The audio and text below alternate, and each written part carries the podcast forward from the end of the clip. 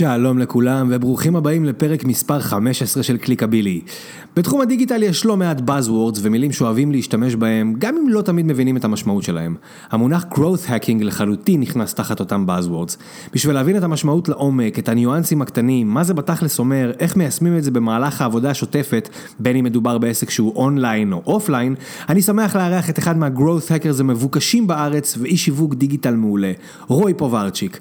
רוי עוזר לחברות ולסטארט-אפים בתהליך הגדילה שלהם, הוא מרצה, מנחה את הפודקאסט Strike Gold ועושה המון content marketing ששווה לצרוך. בפרק הזה אנחנו מדברים על growth hacking ורוי ממש מפרק את התהליך לחתיכות קטנות שיוצרות את הפאזל המושלם שמוביל לתהליך הגדילה. אז בלי הקדמה נוספת, קבלו שיעור מאלף ב-growth hacking ותהנו. מה קורה רוי פוברצ'יק? הכל טוב, הכל טוב, מה שלומך? בסדר גמור, מעולה, מעולה.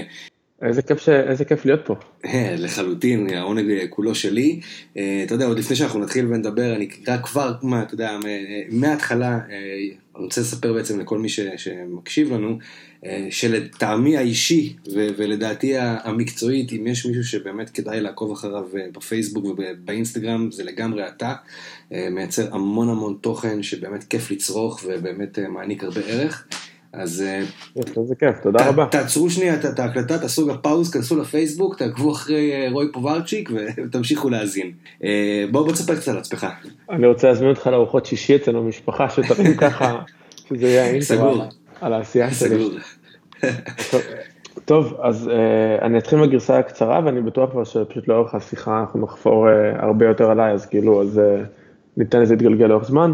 בגדול אני עושה, אה, אני עובד עם סטארט-אפים משהו, אני אני חושב שבע שנים בגלגולים שונים, התמחות ב-growth וב-content marketing, שבעצם ההתחלה של שניהם הייתה מאוד לא ממוסדת, אני במקור בכלל מגיע מ, אה, מעולם המוזיקה, העסק הראשון שלי בחיים היה בכלל חברת תקליטים, שם אה, למעשה התחלתי את כל התהליך הזה נקרא לזה עולם השיווק, כי הייתי אחראי על אומנים ב-360 מעלות שלהם, הופעות, יח"צ, אה, marketing ברמת אינטרנט, distribution, מה שפתאום אתה מקבל את המפתחות של ה-360 מעלות לחיים של, של בן אדם, של אומן, ואומן, ואומן אה, בסופו של דבר הוא, הוא יזם בפני עצמו, ואתה בעצם מקבל הזדמנות לעשות growth בעיניי לאיזשהו, לאיזשהו יצירה, אה, אלבום הוא product לכל דבר, סינגל הוא feature לכל דבר.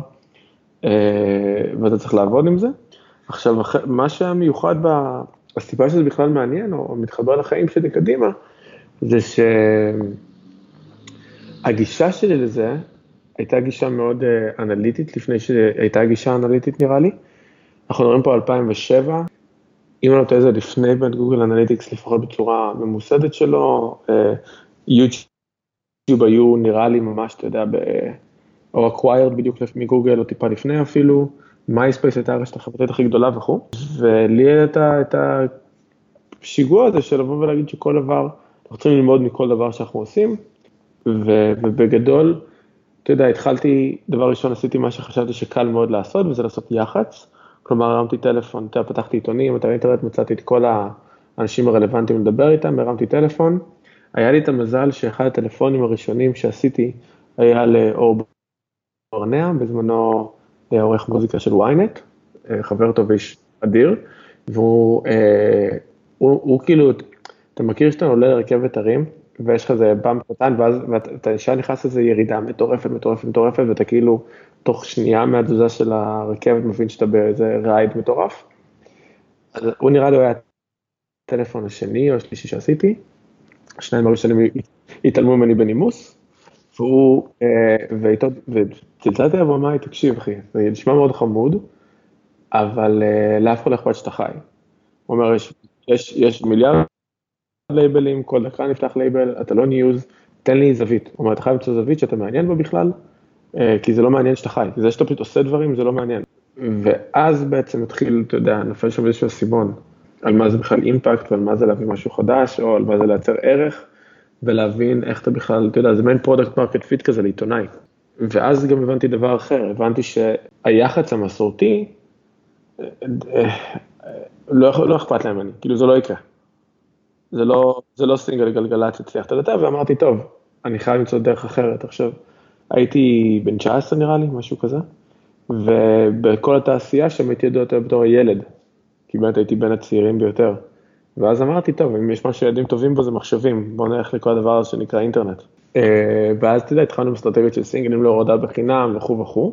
החלק המעניין היה, בגלל שלא לא, לא זוכר אם לא היה analytics, או שלא היה לי מושג שיש דבר כזה analytics, אבל רציתי למדוד כל דבר שאני עושה, והוצאנו סינגלים שונים עם קופונים שונים, פיזי, כאילו שאתה יכול להדפיס ולהגיע להופעות כאילו עם הקופון פיזית, והרעיון היה שדרך הקופונים אני יכול למדוד אפקטיביות של סינגל. כי אם אני נותן את הסינגל שלי פתאום להורדה, ואני אומר יש פה קופון להופעה בתאריך זה וזה, ומגיעים איקס אנשים עם הקופון הזה, אני אומר אוקיי, אני יודע שלפחות איקס אנשים א' הורידו את הסינגל, ב' גם באו לפה. ובעצם התחלתי ממש להשתמש בשיטות מדידה, אה, שאני משתמש בהן עד היום בסטארט-אפים, פשוט עשיתי את זה אז עם מוזיקאים, הייתי עושה A-B testing להופעות, הייתי מראיין את, ה, את הקהל שמגיע, הייתי עושה תוכניות retention לקהל שמגיע, תוכניות loyalty כאלה, שאם הייתי אומר, אוקיי, יש בחורה שמגיעה להופעה של אומן שלי, פעם חמישית ברציפות, כל פעם שבע חברים שונים, אני חייב למצוא משהו לעשות עבורה, שיעלה את רמת הלויאלטי, כאילו, שיהפוך את זה ליותר מיוחד, להפוך אותה ל-evangelist יותר גדול, וכו' וכו' וכו'. כשהשיא של זה היה, שכבר יצא בנדקאמפ, שזה פלטפורמה למוזיקאים בשוק, הדרך שבה הייתי בוחר סינגלים וסט-ליסטים של אלבומים, הייתה על זה שהיינו מריצים קמפיין, ואז הייתי בודק שני דברים. אחד, הייתי בודק באיזה ורסיה ה-first time listen הוא הכי ארוך, מה זאת אומרת? שמתי פליי על שיר אחד, עד איזה שיר הגעתי בלי להפסיק, ואז אתה יודע, אתה פתאום רואה שבגרסה אחרת, ברצף מסוים של שירים מישהו מגיע מ-1 עד 7, ברצף אחר מישהו מתחיל לקרטע ב-4, אה, ואתה פתאום מתחיל להבין איך לסדר כדי להאריך את ה-lifetime, כאילו, לא ה-lifetime, אבל כאילו את ההאזנת session. והדבר השני שהייתי בודק traffic שהוא direct לשיר מסוים, ולפי זה הייתי מזהה סינגל. זאת אומרת, אם אני עכשיו שם לך דיסק, וזה הדיסק בזמנו, או, או, או track list בבנקאמפ של עשרה שירים, ואני רואה שלשיר 6 יש הכי הרבה direct traffic, כלומר אנשים חוזרים לסינגל הספציפי הזה.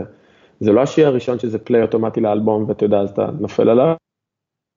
זה אומר שיש לך שיר שאנשים ממש רוצים לחזור אליו ומשתפים אותו, והייתי יודע שיש לו פוטנציאל יותר גבוה משיר אחר. a long story short, היה לי את זה, אחרי זה הייתי בקסטה עם יונתן קרן, כאילו הלייבל התפרק, עשיתי קצת, עשיתי יח"צ וזה, עברתי לקסטה עם יונתן קרן, וכשעזבתי את זה, היה לי איזה לקוח שבא ואמר לי, תקשיב, אני מת על איך שאתה עובד, לאבא שלי יש סטארט-אפ, בוא, אה, בוא תביא את ה-mindset שלך לסטארט-אפ הזה. והתשובה שלי, התשובה שלי הייתה, לא. אמרתי,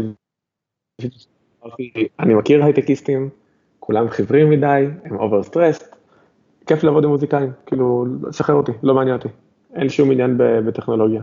והוא בסוף אמר, תקשיב, אבא שלי שמע עליך מלא, תעשה ג'סטה, כאילו תבוא, תקשיב, תגיד לו לא מקסימום, אבל שיראה שהבאתי אותך.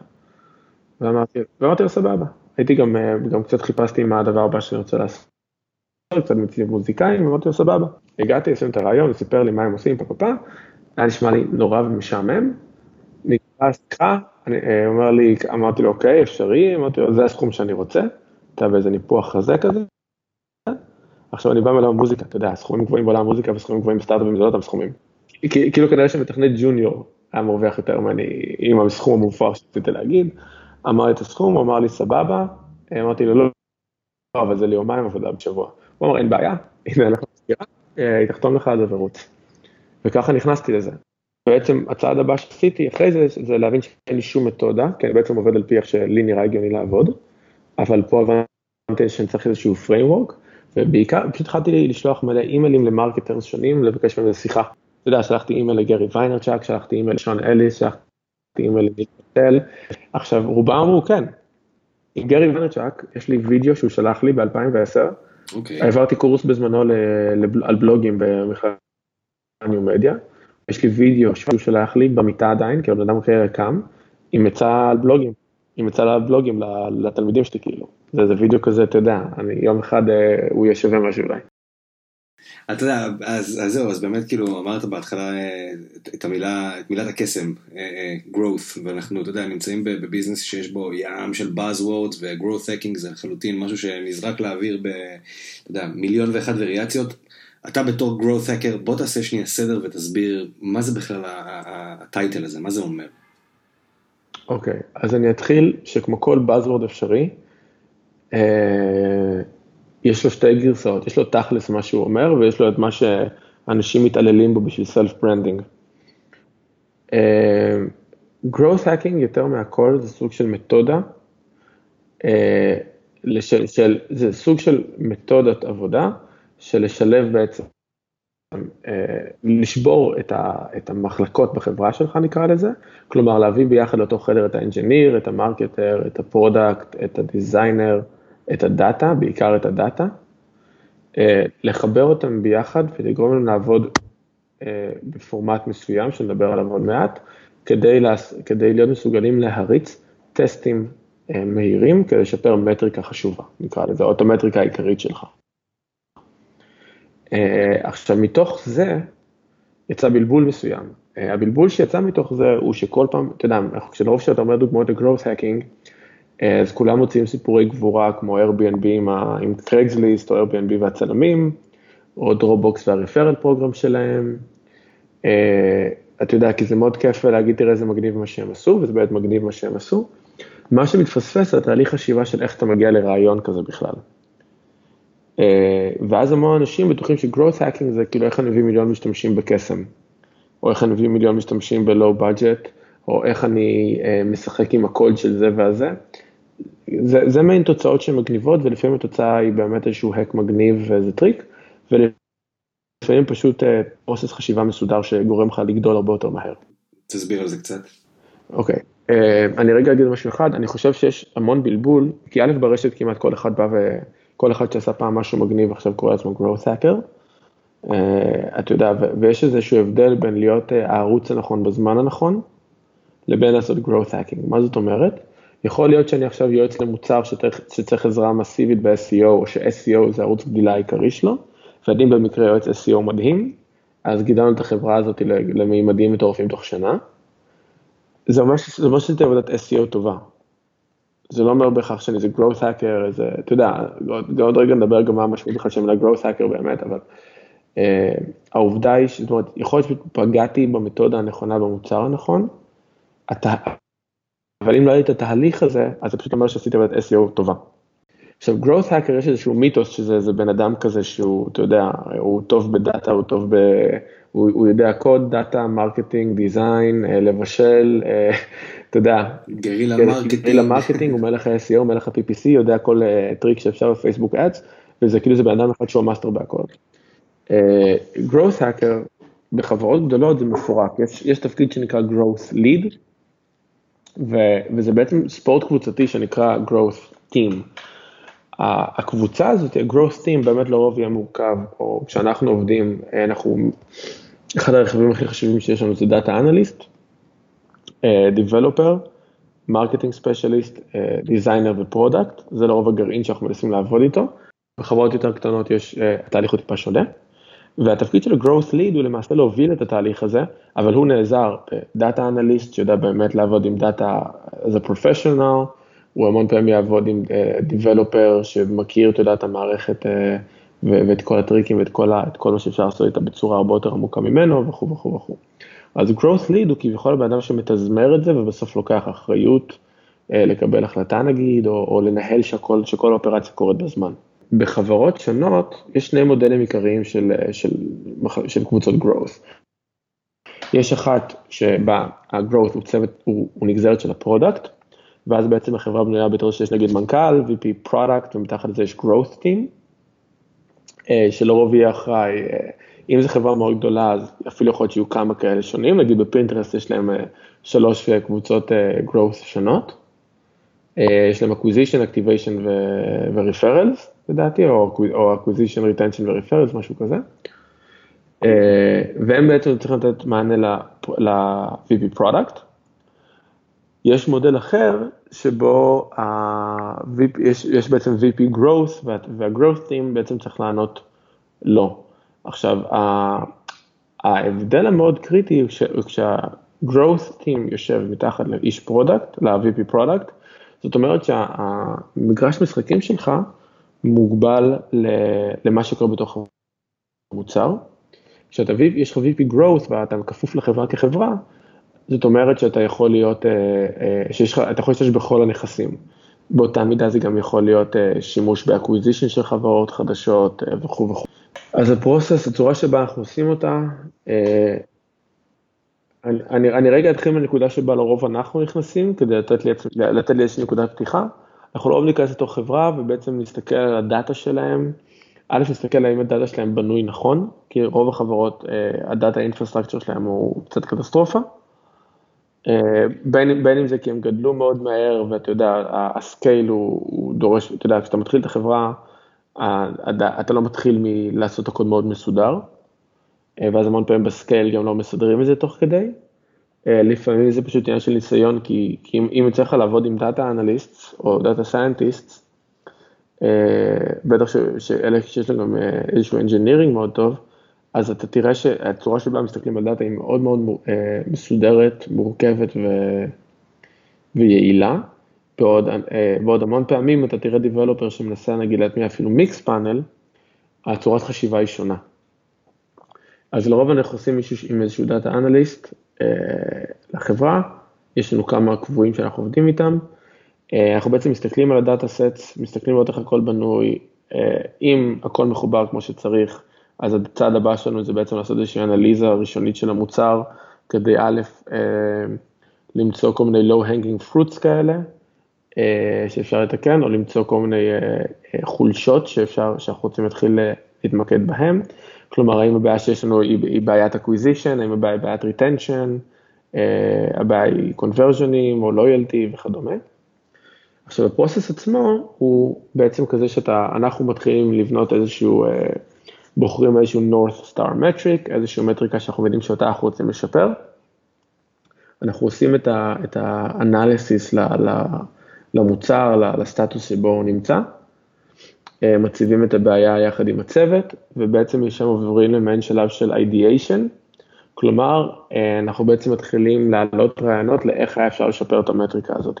כאשר כל רעיון צריך אה, להיות מורכב מ... אה, על איזה חלק מהמוצר אני מתמקד, מה הרעיון שלי אומר, מה הוא כולל אה, ואיזה assumption של impact יהיה לו, כלומר, אה, ניקח את הדוגמה הכי מטופשת, אם עכשיו לדוגמה אני רוצה לשפר conversion ים, אפילו לניוזלטר, ואז אחד מהחבר'ה יבוא ויגיד בוא נוסיף top bar ב home page שאומר תצטרפו לניוזלטר בגרסה כזו או אחרת, עם registration כזה, והוא יגיד, אני חושב שזה יכול להביא לנו משהו כמו 1.7% conversions מה visitors ל subscribe. אז אוקיי, יש לך את הרעיון הזה, הוא רעיון מאוד מוגדר, אתה יודע מה קורה איתו. על סמך מה אבל אתה בעצם נותן את הרעיון הזה? כאילו למה דווקא top bar? אוקיי, אז פה זה פועל כמה דברים. עוד רגע, יש פה, יש פה תהליך לפני ואחרי. הלפני בעצם זה כי אתה מביא אנשים, הצוות שלך אמור להיות, אתה מקווה לפחות שיש לך צוות טוב, כלומר יש לו ניסיון, ויש לו קצת ה-best practices שלו, יש לו בין אה, best practices שהוא מכיר, תחושות בטן או השראה שהוא בא איתה. שלושת אלה יכולים להיות רלוונטיים. כאילו, אני רוצה שכל אחד יזור כמה שיותר רעיונות שיש לו בראש, קטנים עד גדולים בטירוף. כי אני בעצם רוצה קודם כל ליצור לי איזשהו backlog של אה, רעיונות של מה אפשר לעשות. אה, אז ה top bar, אותו בן אדם יכול להיות שהוא הציע את זה כי הוא ראה את זה בבלוג אחר, יכול להיות שהוא הציע את זה כי הוא עשה את זה פעם וזה פעל לו, אה, יכול להיות שהוא קרא פעם מאמר וזה נשמע לו מגניב, זה לא משנה, יכול להיות שהוא עושה מדיטציה והתגלה לו הדבר הזה בחלום, כי באותה מידה הוא יכול לבוא עם רעיון הזוי לחלוטין אחר וזה גם היה מעניין. עכשיו, אה, השלב הבא אה, הוא בעצם איזשהו תהליך של פריוטיזציה. מה זאת אומרת? אתה רוצה להריץ טסטים מאוד מהירים, השאלה זה מה אתה עושה, איך אתה בוחר, יש לך עכשיו 50 רעיונות, מאיפה אני מתחיל בכלל? אז לרוב מה, מה שאנחנו נרצה זה שכל אחד מחברי הצוות יבחר בין 2 ל-3 רעיונות מתוך כל הרשימה שבנינו. אה, אנחנו לרוב מנסים שאף אחד לא יביא את הרעיון שהוא עצמו הגה, שהוא לא זה שמעלה אותו להצבעה. אה, וכשהרעיון הוא להגיע ללא יותר מ-10 עד 12 רעיונות פר פגישת growth.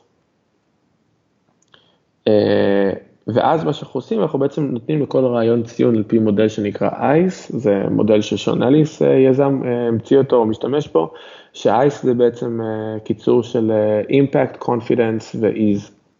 לפני שאני ארחיב ואסביר מה זה כל אחד אומר, אני אגיד שכל אחד זה סולם של 1 עד 10, כאילו מה, מהפחות כדאי לכדאי, כאילו 1 זה הכי חלש, 10 זה הכי חזק, אתה בסוף עושה איזשהו ממוצע של שלושת המספרים וזה הציון שהטסט מקבל.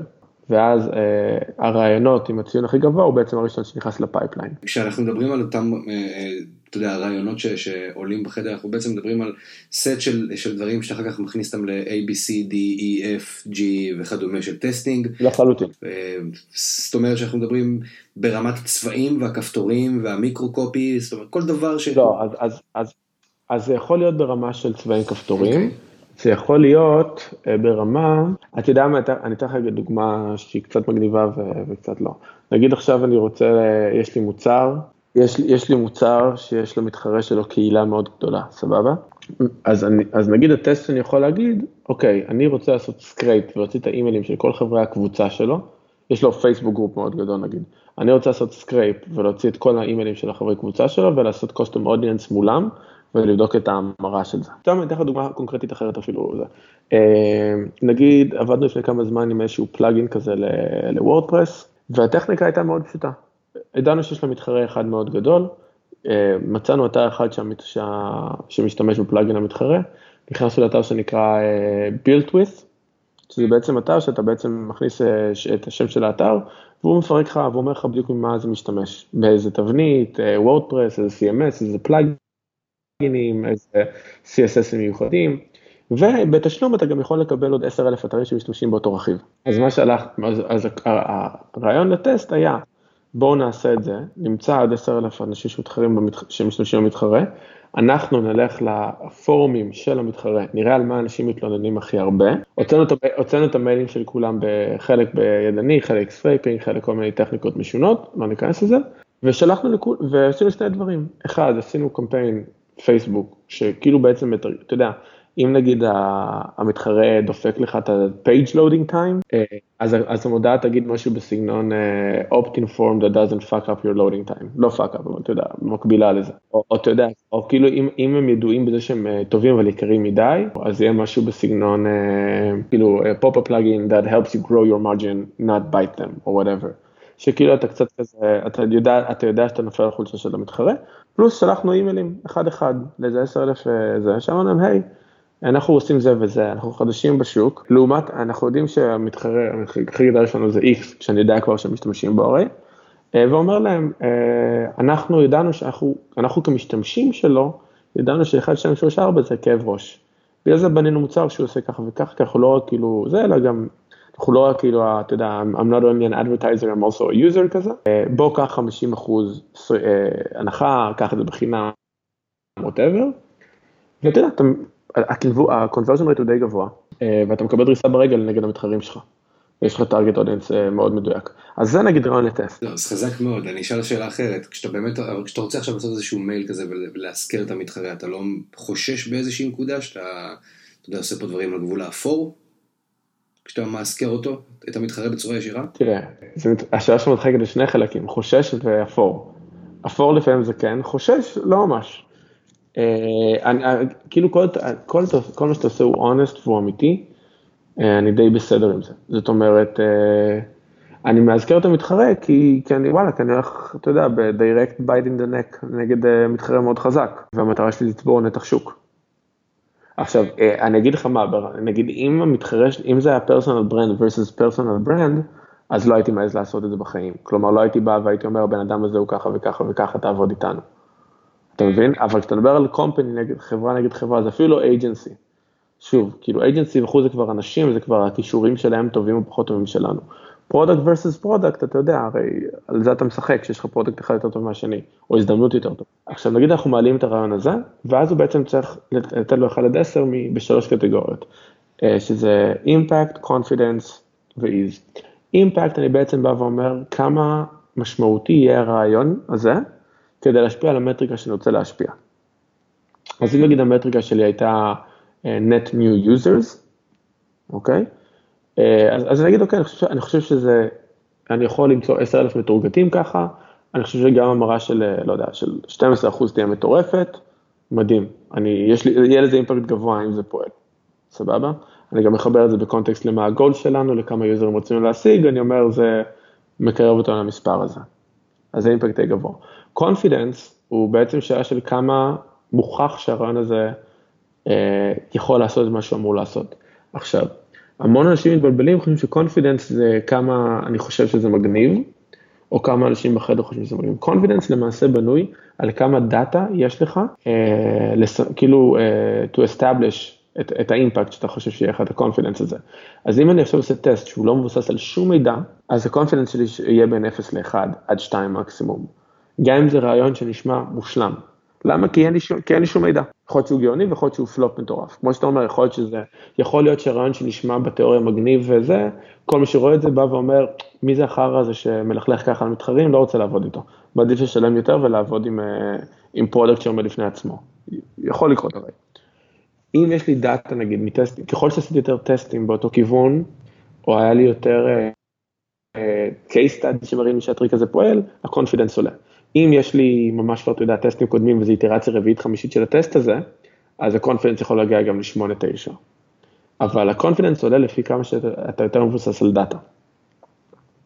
יש את המקרים החריגים, כמו כל דבר, שיש איזה פתאום, אתה יודע, איזה הברקה שברור לך שה-confidence הוא אפס כי זה רעיון כזה מופרע, ואתה מחליט להמר עליו, זה גם בסדר. אה, אבל אתה כאילו מעלה לו את המספר וכולם ביחד מבינים, זה לא מבוסס דאטה ואנחנו יכולים להעלות את המספר. והאחרון זה ease, ease זה כמה קל ליישם את זה. עכשיו, לרוב מי שיודעים להגיד כמה קל ליישם את זה, זה מי שאשכרה אמור ליישם את זה. אז אם אנחנו אומרים, אז מה, הבעיה זה רק להוסיף כפתור, אז צריך שה-developer יגיד לך, זה שבוע עבודה, זה חודש עבודה, אה, אה, זה ההשלכות א' ג' ד', ואז הוא יגיד לכם אם זה אחד, כלומר סופר קשה או עשר סופר קל. אם אתה יודע זה משהו של marketing, אז ה-marketing צריכים להגיד לך את זה וכו' וכו' וכו'. זה ברמת ה-process. עכשיו, הסיבה שזה כל כך חשוב, שיהיו את האנשים השונים האלה בחדר, כי את כל הרעיונות המגניבים שאנחנו שומעים, הם לא יכולים לעלות בשום פורמט אחר. עכשיו, החלק המעניין בכל ה-case studies על growth hacking בעיניי, מה שאנשים מפספסים, שמדברים עליהם, שהם, שהם שוכחים, הם שוכחים שאם המטריקה שהם היו רוצים לשפר הייתה הולכת לחשוד המיידי כבעל האחריות על המטריקה הזאת, הסיפור היה אחר לגמרי. אני אתן לך דוגמה, את הדוגמה של דרופבוקס, אה, ואני לא מדבר על, על ה-referral program שכולם אה, מהללים. לדרופבוקס יש KPI מאוד פשוט, more paying users, revenue, make sense, נכון? נשמע כאילו לא נשמע סביר. עכשיו, מה, מה הבעיה הכי גדולה של דרופבוקס, או לפחות הייתה לפני כמה שנים? מה אנשים היו מאחסנים בדרופבוקס? את הדברים הקטנים. נכון, גוגל, אתה יודע, לפני שגוגל דוקס היה big deal עוד, היית שם שם אה, מסמך, היית, שם, היית במקרה הטוב שם PDF של 2.5 מגה, כנראה שהרוב שם היה כל מיני מסמכי וורד כאלה של 256 אה, KB כזה. כן, לא, לא היה לך את הצורך הזה להשתדרג לחבילה הגדולה יותר. בדיוק, בדיוק. עכשיו אם אנחנו רגע רוצים, אם אנחנו רגע רוצים להמיר את המספר more paying users, למה זה פועל ברמת features באותו שלב? לדחוף אותך מעל 2 ג'יגה בייט. כן. עכשיו, אם הייתי נותן ל-marketer את העבודה הזאת, מה הייתי מקבל? הייתי מקבל מלא קמפיינים של upgrade now, upgrade now, איזה מגניב, upgrade now, 30% הנחה, upgrade now. כי זה מה ש-marketers יודעים לעשות. אוקיי. Okay. בגדול, או case study של, מי, של איך אנשים משתמשים בדרופבוקס לקבצים גדולים, או whatever, כנראה שהייתי מקבל וריאציה כזאת. Okay. כן. עכשיו, ברגע שאני מכניס לחדר הזה data analyst ו-designer ו-engineer, אני פתאום יכול לקבל תהליך, את התהליך הבא. אני יכול לקבל את הדאטה אנליסט, אני יכול לשאול data analyst, תגיד, הלקוחות שיש להם מעל, שמשלמים לנו כרגע, האחוזון העליון, מה הסוגי דאטה שיש להם בדרופבוקס שלהם? ואז הוא אומר לך, וואלה, יש, יש, יש לי פה פיתו, אה, איזושהי סגמנטציה, ו-JPEG, כאילו תמונות, זה הדבר הכי גבוה שיש. כאילו, כאילו כל מי ש... כל, כל מי שעוד שתי ג'יגה בייט מאחסן מלא מלא קבצי תמונות אצלנו. ואז ה-product ילך, והוא אה, יעשה user interviews. וידבר עם האנשים האלה, יגידו, כן, אני מגבה את התמונות שלי, כי אני פוחד שהם ילכו לאיבוד. ואתה, אה, מעניין, תמונות זה באמת קובץ מאוד כבד, הם כולם שומרים תמונות כבד, כי הם מפחדים שהם ילכו לאיבוד, ואז אתה הולך ל-developer שלך ואתה אומר, תגיד, ואז ה-developer בא ואומר, היי, אולי נציע להם לסנכרן אוטומטית את התמונות שלהם מה-iOS לדרופבוקס, בטענה של, אה, אתה יודע, back up your photos now, כדי שלא ילכו לאיבוד, כי obviously זה feature שאנשים רוצים, ועבורנו זה דוחף, אתה יודע, אם אני, אם אני גורם לך לשמור כל פעם בדרופבוקס, אתה עובר את השתי ג'יגה בייט תוך שבוע. אם יש לך ילד עד סוף היום הראשון, אתה כבר כאילו עובר ל-Pro. ואז אתה בא ל-marketer ואתה עושה קמפיין של אה, בואו תשמרו את התמונות שלא ילכו לאיבוד. אפילו לא, כי אתה הולך ל-product ואומר, כן, אפשר להקפיץ באנרים. אני יכול להקפיץ בתוך דרופבוקס באנר שאומר לך upgrade now, אני יכול, ה-marketer אומר לך, אפשר להוציא אימייל, אה, ופתאום מה שקורה לך, שאתה חשבת revenue, בסופו של דבר, איך אני מגדיל את ה-revenue שלי, ומי שפתר לך אותה בפועל היה שיתוף פעולה אמיתי בין Developer שאומר, hey, בוא נכניס את ה... את, אני יכול להתממשק ל-iOS ולקחת את התמונות ולעשות את ה-backup האוטומטי הזה, יש לך marketers uh, שיודעים לשלוח, לשלוח החוצה את המסר הזה, ויש לך product שיודע להשתמש בזה בתוך המוצר. עכשיו שים לב שהמעבר של ה-revenue הזה הוא product based לחלוטין. עכשיו, עכשיו תחשוב, החלק הבאמת מעניין בסיפור הזה, מעבר לפיצוח המגניב הזה, כי הפיצוח סבבה, זה, זה סיפור גבורה כזה. החלק המעניין הוא שתחשוב שעכשיו בחברה קלאסית, הפגישה על ה-revenue הייתה בין ה-sales team ל-marketing team. אולי bizdev. כן, לא יש שם שום קשר לכל שאר ה... בדיוק, תראה, אולי, כאילו אולי ה-product, למרות שגם ה-product לא באמת נמצא ברוב הפגישות, אתה יודע, יש, העובדה שיש עדיין חברות שה, שה-product וה-marketing וה-sales לא יושבים באותו חדר אף פעם, זה תופעה הזיה לחלוטין בעיניי, ב-2018, אה, עוד רגע 19.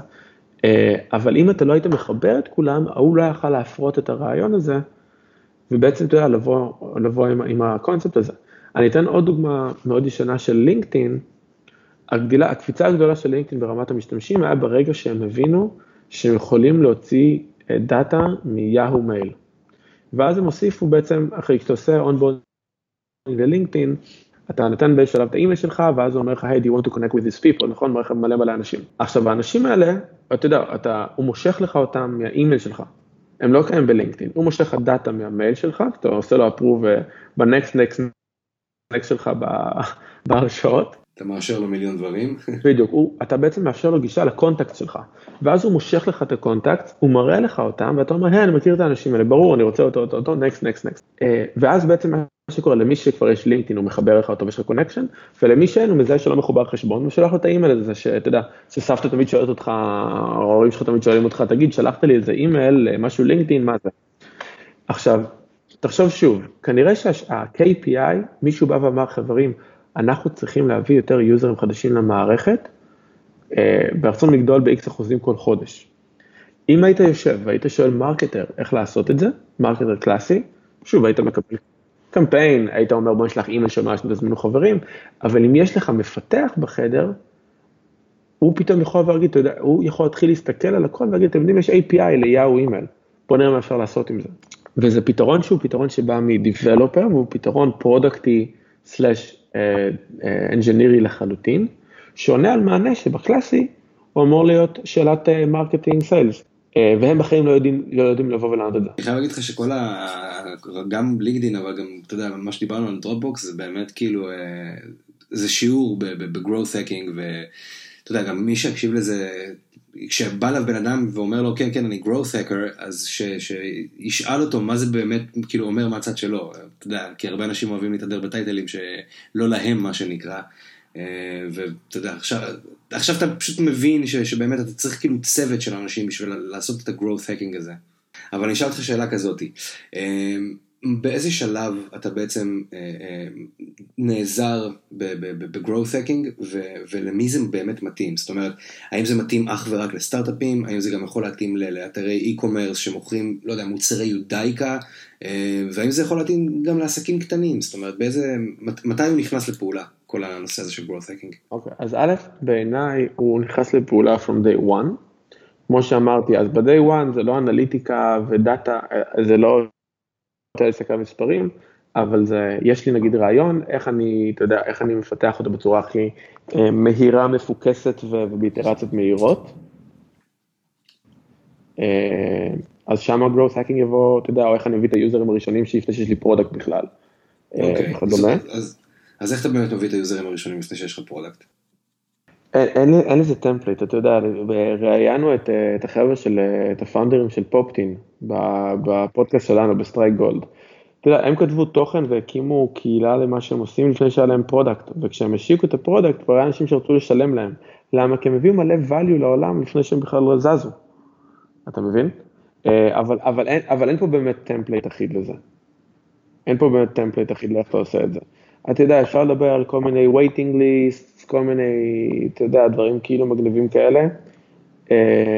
אה, אז זה אחלה בתיאוריה, הכמות חברות שעשו waiting list הוא מיליארד, הוא לא יודע, כמה עשרות אם לא מאות, אה, ושנינו יודעים איזה חברות זה פעל להן, אתה יודע, ביד, על, על לספור על יד אחת.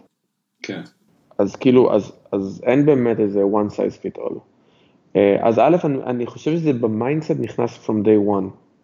אתה יודע, כשאנחנו התחלנו, כאילו, הפודקאסט שלי ושל יונתן עכשיו דוגמה מאוד טובה לזה, כי אנחנו התחלנו ואמרנו איזה מגניב יהיה לעשות marketing uh, advice, נדבר בינינו, נענה על שאלות של אנשים, בפועל זה לא היה מעניין. לנו היה כיף, התגובה בחוץ, nobody cared, כולם רצו לפרגן לנו כי, אתה יודע, כי מכירים אותי, מכירים אותו, לאף אחד לא היה אכפת. באיזה שלב אמרנו בואו ננסה לראיין מישהו, הבאנו את אה, יואב עזיז, שהוא Head of Growth ביוטפו, אחד, שיחה מרתקת על איך הם עשו רידיזיין לאתר שלהם, יואב הוא גם איש מקצוע מדהים, גם בן אדם אדיר, אבל איש מקצוע מדהים. פתאום הפידבקים, אתה יודע, קופצים לך מאיזה מעין אה, סבתא ששולחת לך הודעת תמיכה ב... אתה יודע, אתם מאוד חמודים, לא הבנתם מה דיברתם, אתם מאוד חמודים, זה הופך להיות, יואו, איזה פרק אדיר ושיתופים. אתה רואה את הקפיצה בהאזנות, עכשיו כשאתה מתחיל לראות דאטה כזה, פתאום אתה רואה את הקפיצה, אתה יודע שאתה במקום יותר נכון. אתה יודע, כאילו לא צריך להיות growth hacker כדי להגיד וואלה, זה קיבל 500 השמעות בשבוע, כל הקודמים קיבלו 30 השמעות ביחד כל שבע פרקים הקודמים. ואז אתה אומר, רגע, בוא נעשה עוד אחד כזה, וזה פתאום, אתה יודע, מקבל עוד 600 האזנות ועוד איזה 80 אחוז עושים subscribe, אתה יודע, בפרק 8, ואתה אומר, רגע, יש פה משהו. אה, אז אתה יודע, שמונה פרקים, עבודה של שני אנשים, אתה בקלות מצאת את הסממן שאומר לך, פועל, לא פועל. מבחינת תחומים זה יכול לפעול בכל דבר, זה יכול לפעול במסעדה, זה יכול לפעול בעסק, אה, אתה יודע, ב photography business שלך, אה, זה יכול לפעול בכל דבר, כי, כי אתה בעצם, הרי שוב, המשחק פה הוא process, וה process הוא איך, איך אני מריץ טסטים מהירים כדי לגדל מטריקה מסוימת. זאת אומרת שאתה, אה, כאילו אם אני נניח לוקח את זה לעניין של מסעדה, אתה יודע, אז, אז אתה אומר כאילו, ואנחנו רוצים להגדיל מכירות כמובן, אה, אתה יודע, ותנועה למסעדה, אז איך אנחנו מיישמים את זה באופליין? אז אני אומר, אז ההבדל, לא ממש מעניין אם זה אופליין או אונליין, כי בעצם אני, אני, אני בעצם בא ושואל את השאלה הבאה, אני אגיד שהמטריקה שלי היא, היא, לא יודע, אה, מטריקה של מסעדה, נגיד, לא, כאילו אני, לא הולך על marketing, אני נגיד אלך על, על average, אה, אתה יודע, average bill size כזה, כמה, כמה שמשלמים per ישיבה. ואז אני אגיד, אוקיי, עכשיו הממוצע שלי הוא 100 שקל per ישיבה או per אדם, נגיד, איך אני עכשיו מעלה את זה? עכשיו, הטריקים המוכרים בעולם המסעדנות זה שאתה יודע שהמלצר בא ושואל עוד משהו לשתות באמצע הארוחה, או שהמלצר בא ואומר לך, אתם רוצים לשמוע על המנות האחרונות שלנו? זה טכניקות, אתה יודע, זה, זה טכניקות קונברסן, כאילו זה, זה הפופ-אפים של, של, של עולם המסעדנות.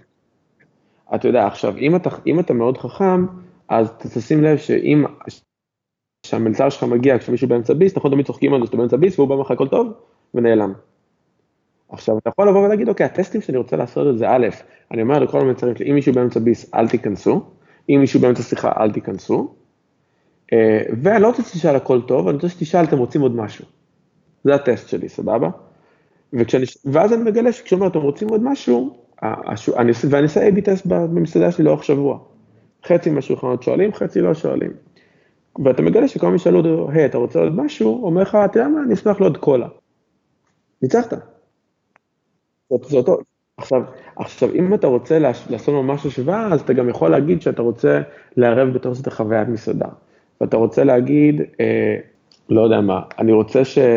אני רוצה ליצור שולחנות שהם טיפה פחות רחבים, כדי שאנשים יהיו יותר קרובים אחד לשני, ליצור אינטימיות, ידברו יותר, יישארו יותר זמן במסעדה, יזמינו יותר דברים. גם את זה אתה יכול להגיע לרזולוציה הזאת. זה ממש עניין אסטרטגי של איפה אתה רוצה להסתכל, אבל התהליך הוא אותו תהליך, אתה מסתכל על המספרים שיש לך, אתה מריץ מלא רעיונות מה אפשר לעשות, אתה יודע, אז, אז לחתוך את השולחנות בחצי רוחב, כנראה יהיה לי קשה לעשות, זה לא היה הטסט הראשון שלי, אה, אבל אה, אה, אתם רוצים עוד משהו לשתות? כנראה זה טסט די קל להריץ. חזק, זה, זה, אני יכול להגיד לך שזה זה באמת, אתה יודע, בן אדם עכשיו ש, שיש לו מסעדה, אני מניח שהם מכירים את הרעיונות, אתה יודע, את השטיקים של ללכת ו... ולבקש מהמלצרים שלהם, אתה יודע, להשתמש במינוחים כאלה ואחרים, אבל באמת יש כל כך הרבה רעיונות שאתה, אתה יודע, אתה, אתה, אתה לא באמת חושב עליהם ביום יום, ו, וזה באמת testing שאפשר להריץ ויכולים לשנות באמת את כל ה landscape של, של, נכון. של revenue כזה או אחר, זה מטורף. אז תגיד לי רגע, אז, אז דיברנו פה באמת על, על, על עולם שלם של, של growth hacking ועל סטארט-אפים ועל products והכל, אבל בואו ננסה לקחת את זה לאדם הכי פשוט בעולם, אוקיי? בואו ננסה לקחת את זה לעסקים קטנים עם תקציבים נמוכים, אתה יודע, לא של שעכשיו עשו איזשהו גיוס, אלא באמת, אתה יודע, עסק קטן. איך אנחנו מיישמים את כל המתודות האלה של growth hacking בעסקים קטנים? אוקיי, אה, אז אני, אני כאילו אדגיש שוב שהפואנטה פה היא באמת הפרוסס הנכון. התקציבים, אתה יודע, דיברנו קודם על המודל של אייס, של ה-impact, confidence ו-ease. עכשיו, זה אומר, זה אומר שאם אני עכשיו עושה את אותו מודל ואין לי כסף, כל רעיון שהוא עולה מעל התקציב שלי, או שהוא מחוץ לסקופ שלי, אה, אה, אז ה ease שלו יורד. כלומר, אם אני עכשיו צריך להוציא את זה 10,000 דולר ואין לי 10,000 דולר, ה ease שלו הוא אפס. כי אני לא יכול לעשות את זה. אם יש לי, עכשיו, אם יש לי 10,000 דולר אחרונים כעסק, וה confidence שלי הוא 10, ה impact שלי הוא 10, אז אולי אני אקח את הצ'אנס. אבל הכסף הוא, הוא עוד פרמטר בשלישייה הזאת של, של impact, confidence ו ease. עכשיו, אה, אם אין את הכסף, אז המשחק הוא, הוא פשוט להיות יותר יותר יצירתי. שאולי זה גם הופך את זה ליותר כיף. עכשיו, בעסקים טכנולוגיים, כאילו דברים שהם אונליין, אתה כאילו, אתה גם עומד בבעיה, אבל, אבל אתה כאילו נדרש ליותר משאבים אה, מתוחכמים. אם אתה לא דיבלופר, אתה מאוד מוגבל, אם אין לך מידיה בדג'ט, אתה מאוד מוגבל. אה, יש כאילו איפה שאין כסף יש זמן שאתה יכול להשקיע, זה המשחק, זמן כסף, זמן כסף. אז אם אתה עושה משהו שהוא אונליין, אז יכול להיות שאתה רוצה להשקיע את ה-200 שקל שלך באיזה קורס יודמי וללמוד לעשות פייסבוק אדס, אה, ויכול להיות שאתה בונה עמוד נחיתה סופר מכוער לבד, אבל מתחיל להריץ אותו כי אולי הוא יפעל לך ואולי הוא יעבוד, ויכול להיות שאתה פשוט צריך להיות מאוד יצירתי ולהגיד, אוקיי, אני אומר לעשות דברים שאין, שאתה יודע מה, אני אפילו אגיד לך, אני עכשיו רוצה להריץ צ'טבוט בעמוד שלי, אני הולך לצ'אט, איך קוראים לזה, לצ'אט טו מני נראה לי קוראים לזה, או לא זוכר. מני צ'אט. מני צ'אט. אני לוקח את הפרי טיר שלהם, אני לומד איך לבנות את זה לבד, זה יכול להביא לי עד 200 לידים. אני מה-200 לידים האלה רוצה לראות מה אני מוציא. ואז אני מוציא שבוע בללמוד איך לעשות את זה ואני מריץ את זה לבד. ואו שאני, אתה יודע, עושה פשוט דרכים אחרות, עושה אידיאשן חדש לדברים שם בתקציב שלי, ומבין שאם אין לי כסף אני פשוט עומד להשקיע הרבה יותר זמן, פלוס אני מבין שהמטרה שלי היא, היא ליצור לי עוד כסף כדי שאני אוכל להשקיע אותו באפיקים אחרים, וזה בעצם הצעדים הבאים שלי. Uh, הבאג'ט הוא, הוא רכיב אחד מזה, אבל האידיאשן והיצירתיות הם מה שחשובים. אין חוקים למה אתה צריך לעשות ומה אתה לא צריך לעשות. יכול להיות שאתה יודע, במקום להוציא עכשיו 2,000 דולר על אדס, יכול להיות שהדבר הבא שצריך לעשות, ועשינו את זה עם חברות בארץ בבטא שלהם, לך תדפיס 200 אה, פוסטרים ותתלה ברחבי העיר בשביל להביא beta testers. אתה יודע, אם אני מסתכל אחורה ל Cups של אלון עזר, ככה הם השיגו את הבטא יוזרים שלהם. עכשיו פוסטרים עליך 2 שקל לפוסטר, תלייה עליך עוד 2 שקל, זה 4 שקל לפוסטר כפול 200 פוסטרים, אתה יודע, that's it. וזה מביא לך, וזה עומד שם ברחוב, וזה מביא לך את ה-500 יוזרים הראשונים.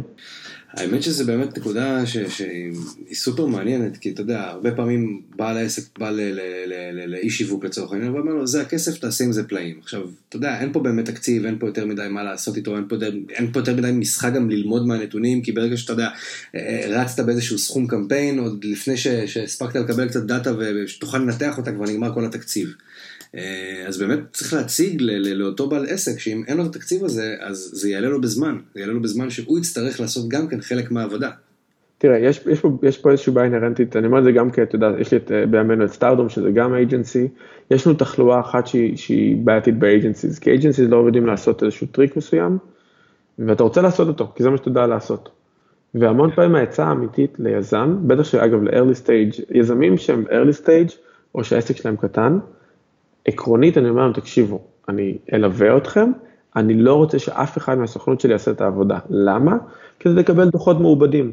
אתה צריך לאכול חרא בעצמך, ולהרגיש את השוק. אתה צריך לדבר עם יוזרים, ויוזר אגב יכול להיות יושב במסעדה שלך, זה יכול להיות אה, אה, לקוח של בית דפוס שלך, אתה צריך לדבר איתם ולשמוע את המילים שלהם, ולהבין איך לעשות אדפטציה לעסק. אם אני אקשיב עכשיו לשיחות הראשונות, אם עכשיו אני אקשיב כשמישהו אומר לי, הבית דפוס שלכם טוב, אבל ה delivery היה קצת ארוך, או, או המנהלת אה, לקוחות לא הייתה נחמדה, אתם מפספסים את זה. אתם צריכים להיות שם ולהבין מה רוצים מכם, כאילו מכם. אתם, אתם האנשים ש... כאילו ב stage הראשון, product market fit, אתם צריכים לעשות את זה בעצמכם. אה, חשוב ש, שגם יזמים וגם בעלי עסקים יבינו שאתה יודע, צריך, צריך להתלכלך קצת. לפחות בהתחלה. כן, א' צריך להתלכלך, ב', agencies המון פעמים, אתה יודע, זה, זה עלויות גבוהות agencies, גם אם אתה לא מריץ מדיה אפילו, אתה משלם לעוד, למערך מסוים. אה, ו, ולפעמים עסקים קטנים זה לא, אתה יודע, הם צריכים ליווי, הם לא צריכים אה, את העשייה.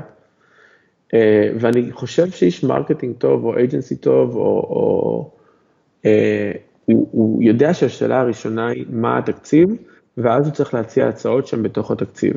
לבוא ולהגיד, אם היה לי מיליון דולר, הייתי מביא אתכם לזה, ואומר לך, חבר, יש לי 2,000 שקל בבנק, ואתה מתעקש על המיליון דולר, אז זה לא מעניין. המשחק הוא מה התקציב, בוא, בוא נעשה כסף ממה שיש. אה, ואתה יודע, הגישה שלי אומרת שמי שלא יודע, כאילו שלהוציא מ-2,000 שקל זה אתגר, כמו שלהוציא מיליון דולר אגב זה אתגר, eventually, כי זה scale-up אחר. אבל רוב החברות שתביא להם מיליון דולר כדי להוציא אותו על מדיה, הם רובן עדיין עשו קמפיינים לא טובים, כי הם לא יודעים לעשות scale לקמפיינים, נגיד. אה, אה, וצריך להבין את זה, ואתה יודע, צריך לגדול לפי השלב שלך. שמע אחי, אני, אני פשוט, אני יודע שיש לך עוד איזושהי אה, פגישה בקרוב, אה, ו, ובאמת, אתה יודע, יש עוד המון המון המון דברים ש, שהייתי שמח שנדבר עליהם, אתה יודע, בין אם זה marketing ועוד על marketing ועל הפודקאסט שלך והרבה הרבה דברים, אבל אה, אני אשחרר אותך לעיסוקיך. בשעה הזו, ואתה יודע, אנחנו חייבים לעשות איזשהו פרק follow-up בהמשך. בכיף. והמון המון תודה. תודה חבר. זהו, עוד פרק של קליקבילי הגיע לסיומו. אה, מקווה שנהניתם, מוזמנים אה, לעשות subscribe לפודקאסט, בין אם אתם שומעים אותו ב iTunes או בין אם אתם שומעים אותו ב Spotify. תעשו subscribe ליוטיוב, אה, תעקבו אחריי באינסטגרם, בפייסבוק, יואל דורון מדיה דיגיטלית. וזהו, עד לפעם הבאה, ביי בינתיים.